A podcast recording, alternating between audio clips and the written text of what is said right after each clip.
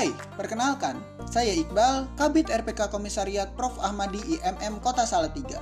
Sebelumnya kita kenalan dulu, apa itu podcast Prof. Ahmadi? Well, sebenarnya ini adalah salah satu program iseng dari kami, BPH Komisariat, untuk mempererat tali silaturahmi antar kader. Dan ke depannya kami berencana membagi podcast ini jadi beberapa segmen, antara lain kajian serius tapi santai, ngobrol bareng kader, dan daily Ahmadi. Selain itu, kami juga akan ngobrol bareng sama orang yang punya segudang pengalaman buat berbagi pengetahuannya.